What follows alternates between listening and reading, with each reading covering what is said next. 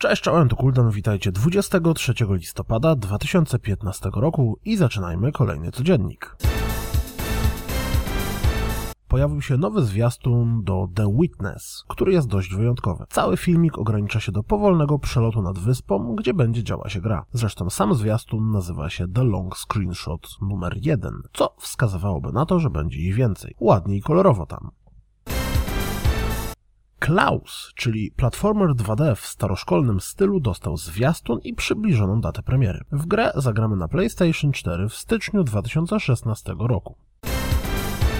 Mam dobrą i złą wiadomość. Dobra jest taka, że pojawił się nowy zwiastun wyjątkowo wyglądającego Hollow Knight, platformera z dużą ilością walki. Zła wiadomość jest taka, że premiera tytułu została przesunięta na 2016 rok.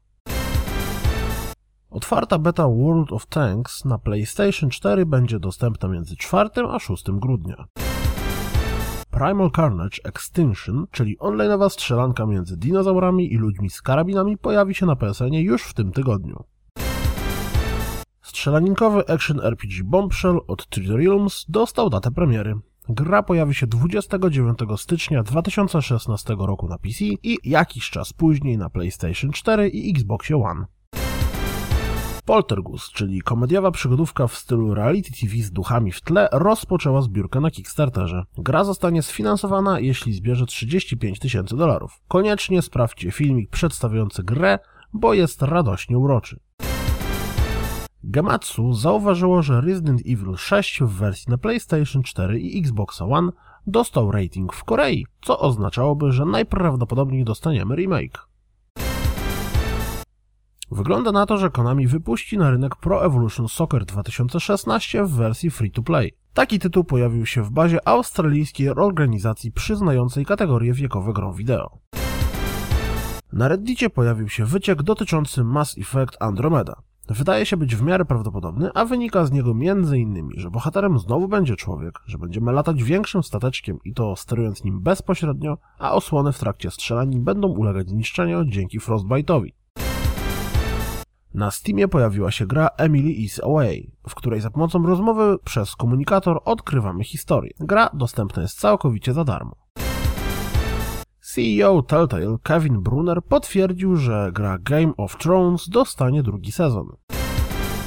Potwierdziło się to, co pisałem jakiś czas temu. Afro Samurai 2 został wycofany ze Steama i PlayStation Store, a pieniądze za zakup zostały zwrócone.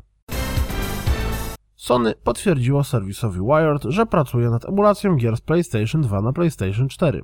Szczegółów na razie brak. Krótka piłka tenisowa. Jeśli kupicie Mario Tennis Ultra Smash z eShopu przed 17 grudnia, dostaniecie za free Mario Tennis z Nintendo 64. Jeśli skończyliście Life is Strange i gra wam się podobała, to koniecznie powinniście przeczytać wywiad z francuskim filozofem Louis de Miranda o tej właśnie grze. Jeśli interesuje Was Star Citizen i zarazem lubicie Marka Hamila, to koniecznie sprawdźcie rozmowę z nim i fragmenty scen przedstawiające jego performance capture do tejże gry.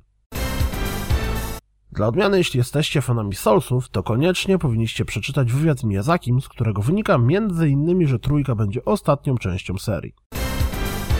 Na Venture Beat znajdziecie całkiem ciekawą rozmowę z Amy Henning od Uncharted i Jade Raymond od Assassin's Creed na temat prowadzenia narracji w grach. To wszystko na dziś, jak zawsze zapraszam na www.rozgrywkapodcast.pl do komentowania, szerowania, lajkowania, czepiania się i tak dalej i mam nadzieję słyszymy się jutro.